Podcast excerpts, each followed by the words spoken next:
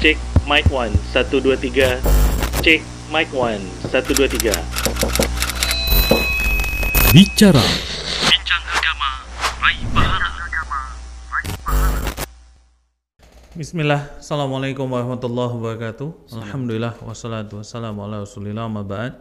Uh, Pemirsa Asia TV di mana pun Anda berada Alhamdulillah kita kembali bertemu di episode Bicara, Bincang Agama Raih Pahala Dan Alhamdulillah seperti biasa Bicara akan membahas topik-topik yang sedang terjadi di sekitar kita, lingkungan Atau mungkin mungkin terjadi pada diri kita dan kita butuh pemahaman tentang masalah ini secara syar'i Dan tentunya untuk membahas masalah itu kita akan mengundang guru kita para asatiza untuk meninjau permasalahan tersebut dan insya Allah taala semoga bisa mendapatkan solusi secara syar'i sehingga bisa kita amalkan. Dan untuk episode kali ini seperti biasa sudah hadir bersama kita guru kita Ustadz Muhammad Paman Hafizullah taala. Assalamualaikum Ustadz. Assalamualaikum. Sehat Ustadz. Alhamdulillah. Alhamdulillah, insya Allah. Baik Ustadz Kano, Ustadz sudah sudah di sini nih. Ini mau nanya Ustadz. Jadi eh, ini kan Ramadan sudah datang nih Ustadz. Insya Allah Taala kan nanti kita mau puasa nih. Nah ada kadang kan eh, ada mungkin sedikit dilema Ustadz, terutama untuk ini biasanya orang-orang yang anak muda ataupun para pekerja lah yang memang terpaksa bekerja sampai larut malam. Sehingga kadang eh, supaya dia tidurnya pas 6 atau 8 jam Iya. supaya nggak bangun sahur dia cuman untuk sholat subuh aja gitu kan. Jadinya dia ngerapel sahurnya di malam. Jadi biasanya tuh udahlah makan makan sahur jam 12 malam aja lah nanti sahur tinggal sholat aja nggak usah pakai bangun-bangun. Nah ini ini banyak terjadi nih Ustadz di anak-anak muda pekerja-pekerja ataupun yang memang suka sampai lembul lah nah ini yang mau anda tanyakan Ustadz Ya bisa nggak begini Ustaz? Dan kalau memang kuat kenapa enggak gitu? Ustaz? Ada pemikiran ya kan yang penting kuat bisa nahan lapar segala macam. Boleh nggak nih Ustaz? Kalau boleh kenapa dan kalau nggak boleh mungkin bisa dikasih solusinya buat kita alasannya Ustaz sehingga ini bisa ditinggalkan kalau seandainya ini adalah perbuatan yang dilarang. Tafadhol Ustaz. Nah, Bismillah. Alhamdulillah wassalatu wassalamu ala Rasulillah wa alihi wa ashabihi wa man tabi'ahum bi ihsanin ila yaumiddin wa ba'du. Para pemirsa Rasyad TV yang dimuliakan oleh Allah. Kita berdoa kepada Allah Subhanahu wa taala dengan nama-namanya indah dan eh, sifat-sifat yang agung agar Allah Subhanahu wa taala berikan kepada kita kesehatan, berikan kepada kita kekuatan, diberikan taufik oleh Allah Subhanahu wa taala sehingga kita bisa memaksimalkan ibadah-ibadah di bulan Ramadan dan kita berdoa kepada Allah Subhanahu wa taala agar amalan-amalan ibadah kita di bulan Ramadan diterima oleh Allah Subhanahu wa taala. Apa yang disampaikan tadi memang ya ada kasus ya di masyarakat seperti itu menganggap kalau sudah makan di tengah malam tidak perlu lagi makan sahur seperti itu. Hanya saja prinsipnya ketika kita makan sahur ini tidak lain adalah untuk mencari keberkahan. Sebagaimana hadis yang dikeluarkan oleh Imam Al Bukhari dan Muslim, Nabi Shallallahu Alaihi Wasallam mengatakan, "Tasaharu fa inna fis sahuril barakah." Makan sahurlah kalian karena sesungguhnya pada makan sahur itu ada keberkahan. Jadi yang kita cari di dalam makan sahur itu adalah keberkahan. Nah, kalau ditanya, apakah tepat makan sahur di jam 12 malam? Jam 1 malam kita katakan ini bukan waktu yang utama untuk makan sahur. Nah, waktu yang utama makan sahur itu adalah 15 menit sebelum dikumandangkan adzan. Ini minimal seperti itu. Ini diakhirkan makan sahur. Jadi kalau masih tengah malam seseorang itu sudah makan sahur, ini bukan ma- makan sahur. Ya, ini mungkin makan malam yang ditunda kan seperti itu. Nah, tentunya di dalam mencari keberkahan itu, di dalam makan sahur itu ada keberkahan. Apa saja keberkahan yang kita dapatkan ketika kita makan sahur? Yang pertama, keberkahan yang pertama pada saat kita makan sahur. Nah, walaupun mungkin kondisi kita sudah kenyang nih, tapi kita bangun untuk makan sahur. Yang pertama, bentuk ketaatan kepada Nabi kita Shallallahu Alaihi Wasallam. Nah, orang-orang yang mentaati Nabi Shallallahu Alaihi Wasallam ini bakal masuk surga. Kullu ummati yadkhuluna al-jannah illa man aba.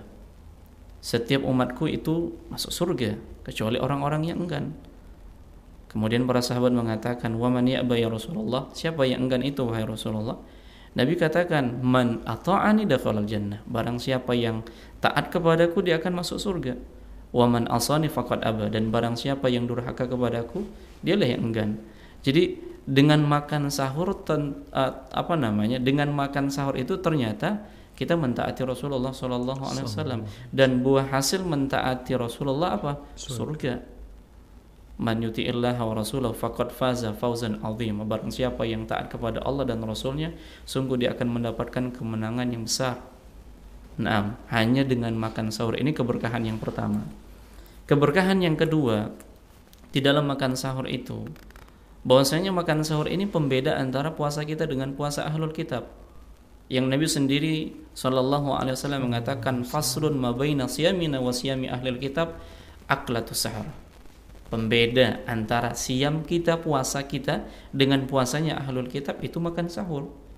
Jadi hendaknya dibedakan puasa kita dengan puasa ahlul kitab. Mereka diperintahkan puasa kita juga diperintahkan puasa. Hanya saja yang membedakan puasa kita dengan puasa ahlul kitab itu dengan makan sahurnya jadi kalau Nabi kita Shallallahu Alaihi Wasallam senantiasa berusaha untuk menyelisihi amalan-amalan ahlul kitab kita ikut menyelisih amalan-amalan ahlul kitab. Di mana ahlul, ahlul ahlul kitab ini ketika mereka berpuasa mereka tidak makan sahur. Nah, untuk menyelisihnya apa? Pada saat kita puasa, kita makan sahur. Kemudian yang ketiga, di antara keberkahan yang Allah Subhanahu wa taala berikan kepada orang-orang yang makan sahur ini, dia akan eh, ketika dia makan sahur, dia akan menambah kekuatan pada fisiknya kekuatan pada fisiknya. Mungkin kita pernah merasakan Bang Jiang nih. Hmm.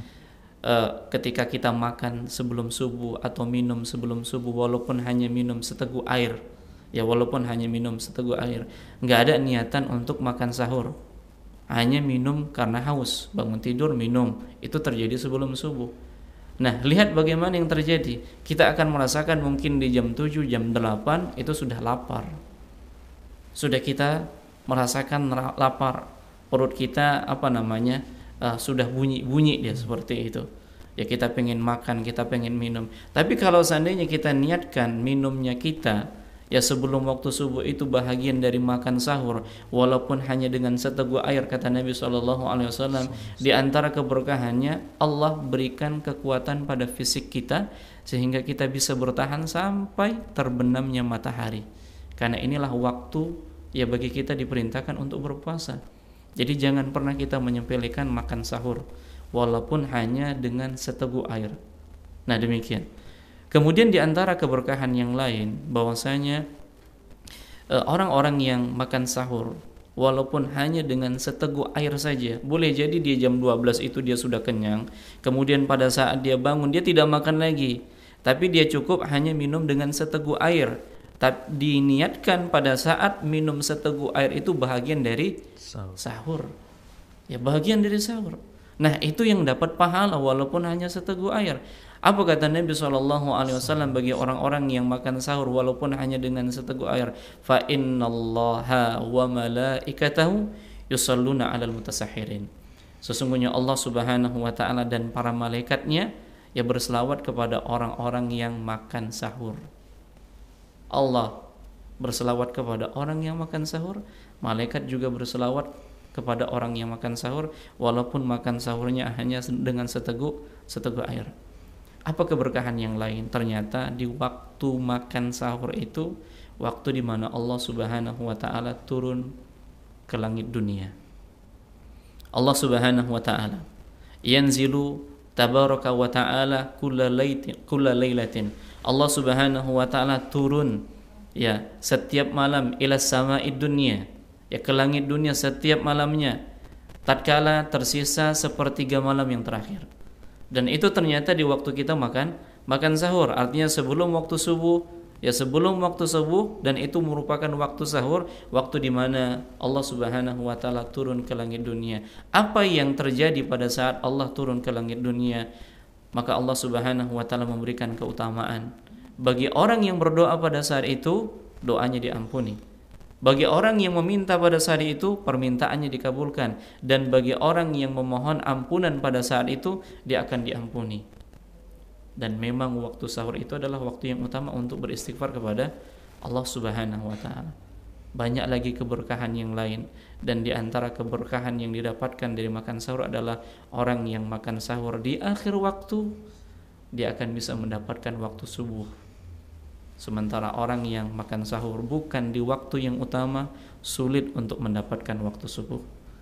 Jadi walaupun apa yang dikatakan oleh Nabi Shallallahu Alaihi Wasallam agar kita makan sahur dan di sana banyak keberkahannya, maka carilah keberkahan pada makan sahur, walaupun hanya dengan seteguk seteguk air. Ya mungkin tambahlah dengan kurma mungkin kan seperti itu. Ya mudah-mudahan ya apa yang kita lakukan ya diberikan pahala oleh Allah Subhanahu wa taala dan kita termasuk ke dalam orang-orang yang senantiasa mengikuti sunnah-sunnah nabinya sallallahu alaihi wasallam. Allah alam. Insyaallah jazakallah ya Ustaz barakallahu fikum. Jadi buat pemirsa Asia TV yang dicari makan sahur itu bukan cuman untuk kenyangnya, tapi keberkahannya. Di situ pentingnya Ustaz ya. Nah. Masya Allah. Baik pemirsa Asia TV dan demikian sudah seluruh episode bicara kita pada kali ini. Kita tutup dengan doa kafatul majlis. Subhanakallahumma bihamdika asyhadu an la ilaha illa anta astaghfiruka wa atubu ilaik.